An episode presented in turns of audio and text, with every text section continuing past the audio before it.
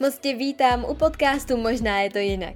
Já se jmenuji Kristýn a na svém blogu a Instagramu se snažím lidi motivovat k tomu, aby si tvořili život podle svých nejkrásnějších představ a plnili si i ty nejdivočejší sny. Takže jestli tě zajímá osobní rozvoj, zákon přitažlivosti nebo síla myšlenky, spiritualita a taky zdravý životní styl, tak si tu správně a poslouchej dál.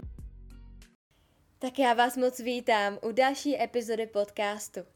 Tahle epizoda vychází trošku po delší době, já jsem totiž měla plný ruce práce s novýma projektama a s krásnýma věcma, který jsem teď spouštěla na svět.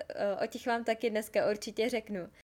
Ale už bych se chtěla podcastu trošku víc opět začít věnovat a mám v plánu dělat spoustu rozhovorů a chtěla bych, aby epizody vycházely trošku pravidelněji.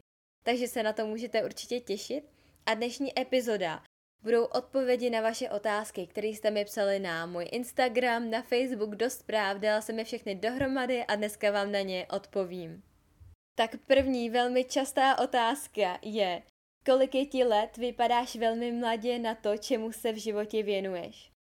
Já úplně chápu, že tady ta otázka vás napadá, protože já vypadám, když se odmaluju, tak vypadám ještě mnohem mladší, než, eh, než ve skutečnosti jsem. Každopádně je mi 21 let a 22 mi bude příští rok v březnu. Jak si nepřipouštět nemilé názory ostatních?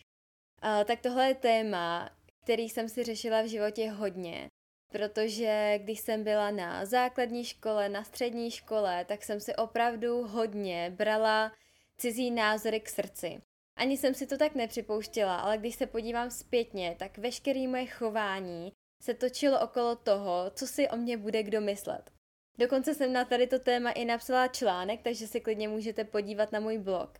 Ale abych to schrnula tak nějak jednoduše, protože tohle je opravdu na dlouhý povídání, možná o tom udělám celou epizodu, protože věřím, že by to spoustu lidem pomohlo.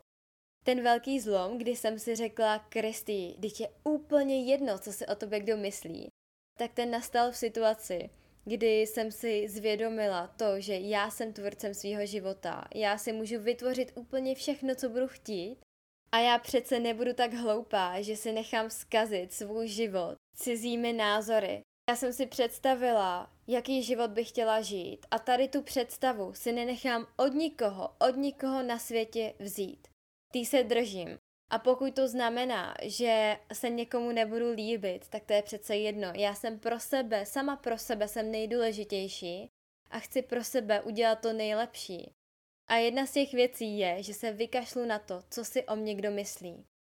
To se opět vracíme k tématu sebelásky, protože sebeláska, ta je v tomhle, v tady té sféře, v tady té otázce, jak se vykašlat na to, co se o mě myslí ostatní, opravdu důležitá.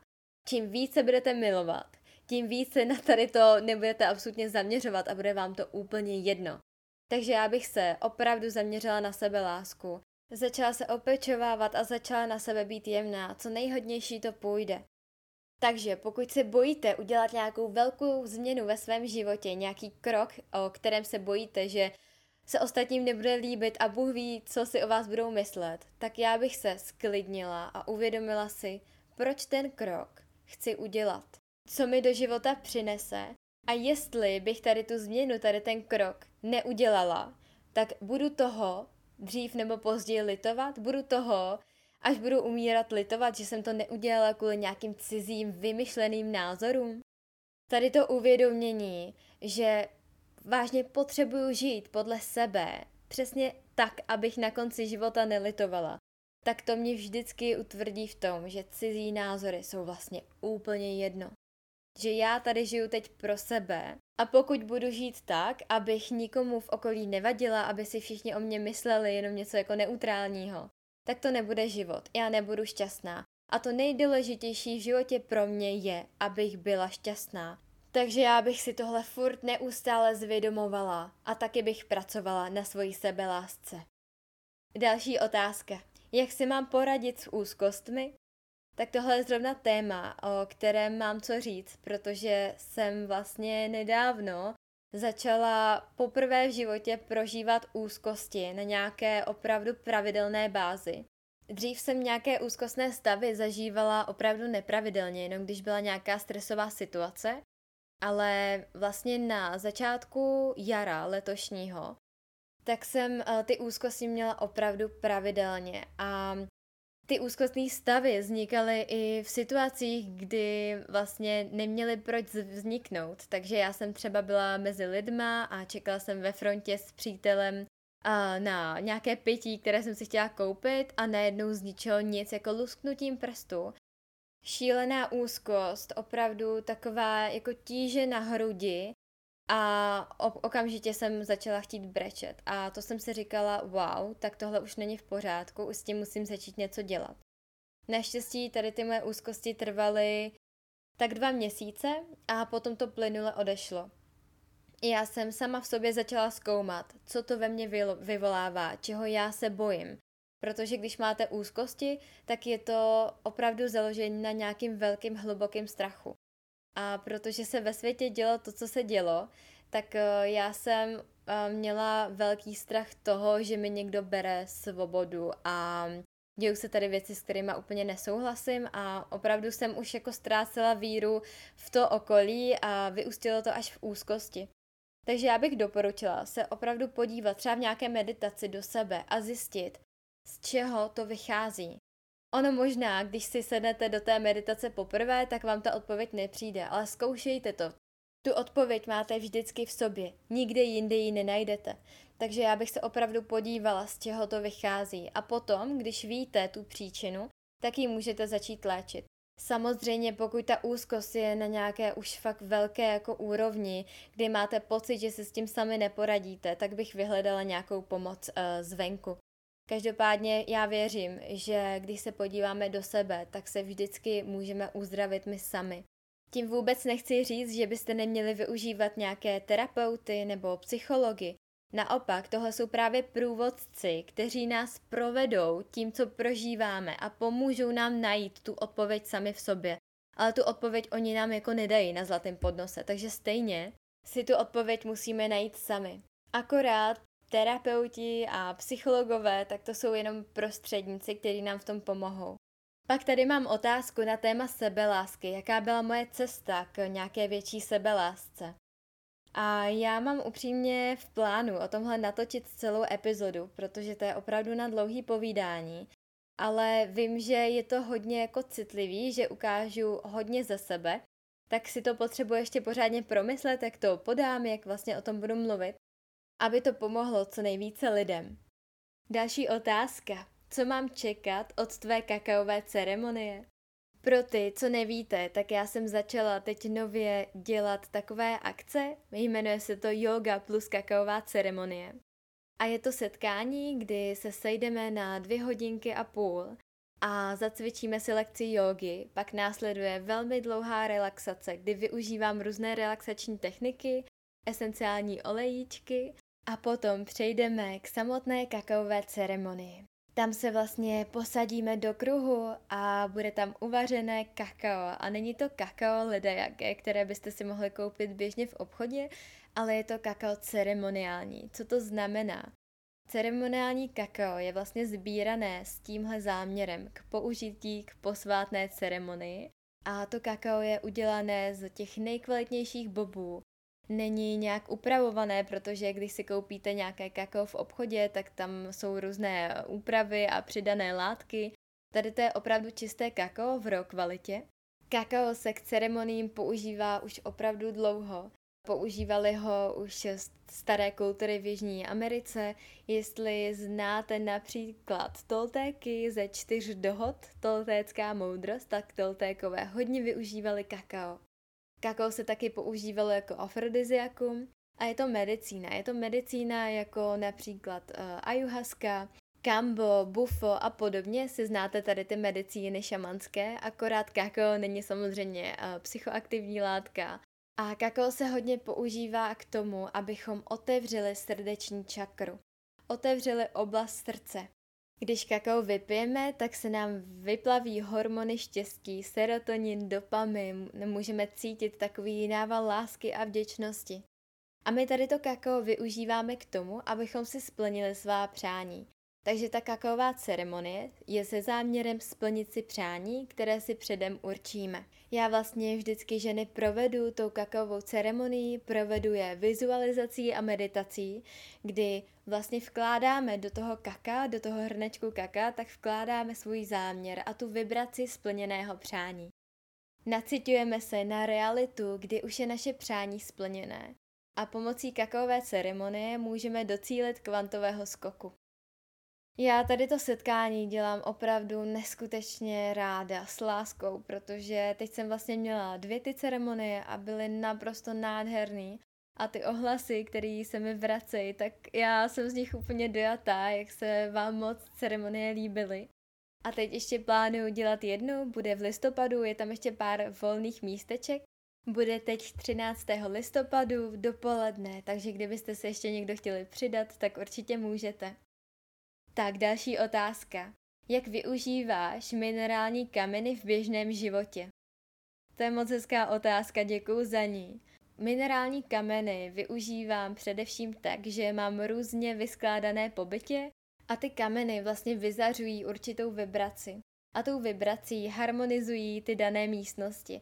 Takže takhle vlastně využívám každý den, ale je potřeba o ně umět pečovat, je potřeba je občas nabít, očistit a podobně ale jinak je používám uh, nejvíce v meditacích, takže pokud si sednu do meditace, tak si většinou vezmu nějaký kámen podle intuice, ale taky kameny využívám v nějakých uh, situacích, kdy se necítím dobře, kdy potřebuju nějakou sílu a nějakou jako kotvu, něco, čeho se můžu chytit a jenom se vydýchat. A většinou v tady těch stresových situacích právě stáhnu po nějakém kameni a jenom se s ním tak uklidním.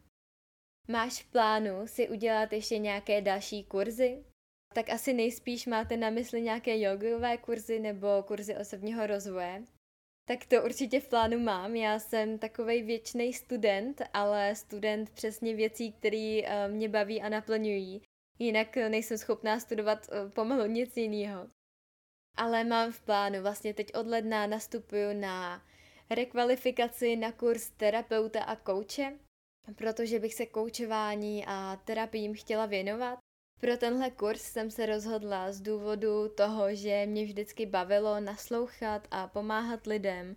Já jsem hodně empatická a v životě se mi opravdu velmi často děje, že se ke mně i náhodní lidé přijdou vyspovídat a jdou si pro radu a chtějí nějakým způsobem namotivovat a už teď se mi děje, že mi opravdu hodně z vás píše každý týden, tam mám aspoň tři zprávy od některé z vás, že chcete nějakou radu nebo chcete podržet v nějaké situaci. A mě to stojí opravdu hodně energie, protože kolikrát ty, to naše dopisování je opravdu na dlouho, na dlouho. A já bych vám chtěla pomáhat na trošku profesionálnější úrovni, takže jsem se rozhodla si udělat takhle kurz a dozdělat se v tomhle. A mě tohle opravdu baví, já už jsem věděla dlouho, že se tady tomu chci věnovat, takže já chci do budoucna právě dělat uh, takhle koučovací hodiny a chci je dělat jak online, tak naživo. Ale tohle není jediný kurz, který mám v blízké budoucnosti v plánu.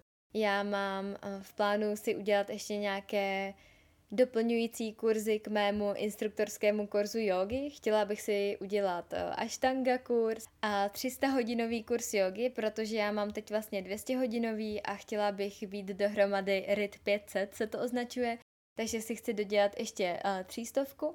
No já mám těch kurzů opravdu hodně v plánu, ale momentálně je teda nejvíc aktuální tady ten kurz terapeuta a kouče. Tak další otázka. Budeš dělat i online lekce jogy? Tak ano, já jsem teď konečně vydala svoji první online lekci, kterou si můžete koupit na mém webu. Je to hodinová lekce Hatha Flow Yogi, která obsahuje dechovou techniku, cvičení asán i závěrečnou relaxaci. Takže na tu se můžete mrknout. A rovnou s tímhle navážu na další otázku. Budeš přebírat to jogové kamenné studio? Tak nakonec ho přebírat nebudu, ale vytvořila jsem, teď od listopadu, od 1. listopadu otevírám nové virtuální jogové studio. Dala jsem dohromady úplně úžasný tým lektorek. Jsou to ženy, které učí jogu opravdu ze srdce. A to studio funguje formou členství, že si zaplatíte buď měsíční členství na tři měsíce nebo na šest měsíců. A máte přístup do virtuálního jogového studia, kde máte pět lekcí týdně. Ty lekce jsou 30-minutové, můžete se je kombinovat. A jsou tam lekce jak fyzicky náročnější, jako power yoga, vinyasa yoga, ale jsou tam i lekce jemnější, jako antistress yoga, rehabilitační yoga a taková krásná střední cesta, lekce zdravá záda. Takže si tam může vybrat opravdu každý podle toho, jak se zrovna cítíte, jakou lekci si chcete dát, jestli se chcete spíš zrelaxovat, sklidnit, anebo naopak si dát trošku víc do těla. A nebudou tam jenom jogové lekce, ale budu tam tvořit i bonusový obsah, budou tam témata měsíce. Listopad má téma relaxační techniky a budu tam dávat různé články, příspěvky, rozhovory, meditace, bonusová videa na tady ta témata. Takže tady to je taková mnohem lepší náhrada pro uh, kamenné studio. Já z toho mám obrovskou radost. A pokud byste chtěli být součástí tady toho virtuálního studia, tak se můžete přihlásit. Já mám uh, odkaz na Instagramu v bio na formulář, a nebo se můžete podívat tady do popisku podcastu, kde tam odkaz taky nechám. Tak, teď tady mám otázku, kde se mě slečna ptá, jestli se stravuju rostlině. Ano, já se stravuju rostlině už to bude přes pět let, takže už je to velmi dlouho. Je to už taková součást mě a pro mě je to naprosto přirozené a cítím se v tom nejlépe. A co se týká rostlinné stravy, tak uh, veganství, tak já souzním jak s etickou stránkou, ekologickou, tak zdravotní. Jak pracovat se strachem? Tak co se týká strachu, tak já jsem dřív udělala velkou chybu a to, že jsem je v sobě utlačovala, že jsem dělala, že tam nejsou což nevede k ničemu dobrému. Takže opravdu nedělat, že tam ty strachy nejsou, ale já naopak, pokud nějaký strach cítím, tak si sednu někam do klidu, chvilku se zavřu a podívám se na něj. Klidně si pořádně ten strach prožiju a ono, když se na něco podíváte, tak to zmizí. A takhle to funguje i u strachu. Takže já opravdu nedoporučuji je sobě utlačovat, protože pak to bude syndrom papiňáku a nedopadne to dobře ale naopak se na ně dívat, být s nimi v pohodě, protože čím víc jim dáte prostor, čím víc si řeknete, OK, mám tady prostě strach, vidím tě strachu, seš tam, tak tím on bude slábnout. A taky bych využila síly meditace, sedla si do ticha a opět sama sebe zeptala, z čeho ten strach vychází, proč ten strach tam je a proč ho prožívám. Samozřejmě velmi záleží, jaký strach to je, ale pokud máte takové ty běžné strachy, tak mě velmi pomáhá se na ten strach podívat a říct si, ty jo, já se tady strachuju s takovou maličkostí, přitom když se z toho podív- na to podívám z nějakého kosmického hlediska, nějakého širšího úhlu pohledu, tak je to vlastně tak malinkatý problém, oproti tomu, jaké problémy na světě existují, tak ten strach tímhle pak jako odejde a já se sama sobě zasněju, že vlastně tady řeším úplné maličkosti a cítím se mnohem lépe. Ale to opravdu záleží, jaký strach to je, protože takhle to bagatelizovat úplně nejde. A poslední otázka, kterou jsem vybrala, tak je taková pohodová, hezká nakonec. A to, jak dlouho jste spolu s přítelem. Tak eh, my jsme spolu velmi dlouho, teď to bylo v říjnu 13. 8 let. A my jsme se právě spolu dali dohromady na základní škole, kdy on byl v sedmé třídě a já v osmé. Vicky vlastně přecházel uh, z nějaké jiné základky a byla to láska na první pohled. Bylo to opravdu hned. A od té doby to spolu táhneme. A čím déle jsme spolu, tak tím je ten vztah krásnější. My jsme spolu vlastně vyrůstali, mm, prošli jsme si fázi jak malých dětí, tak pubertáků, tak uh, dospělých lidí, kteří maturují, studují vysokou školu a potom už i pracují a podnikají. Takže my jsme opravdu spolu zažili uh, tu velkou gradaci života a vedle sebe jsme rostli, vyvíjeli se. Nebylo to vždycky tak eh, hezký, ale a myslím si, že už jsme si poléčili spoustu nějakých traumat, které jsme si navzájem udělali a teď už to je čím dál krásnější. Takže já jsem za svůj život měla jenom jeden vztah a ten teda trvá doteď a bylo to teď 8 let. Tak to byla poslední otázka. Já vám moc děkuji, že jste si poslechli uh, tuhle epizodu podcastu A já se na vás budu těšit u další epizody a zatím se mějte krásně a plňte si svoje sny.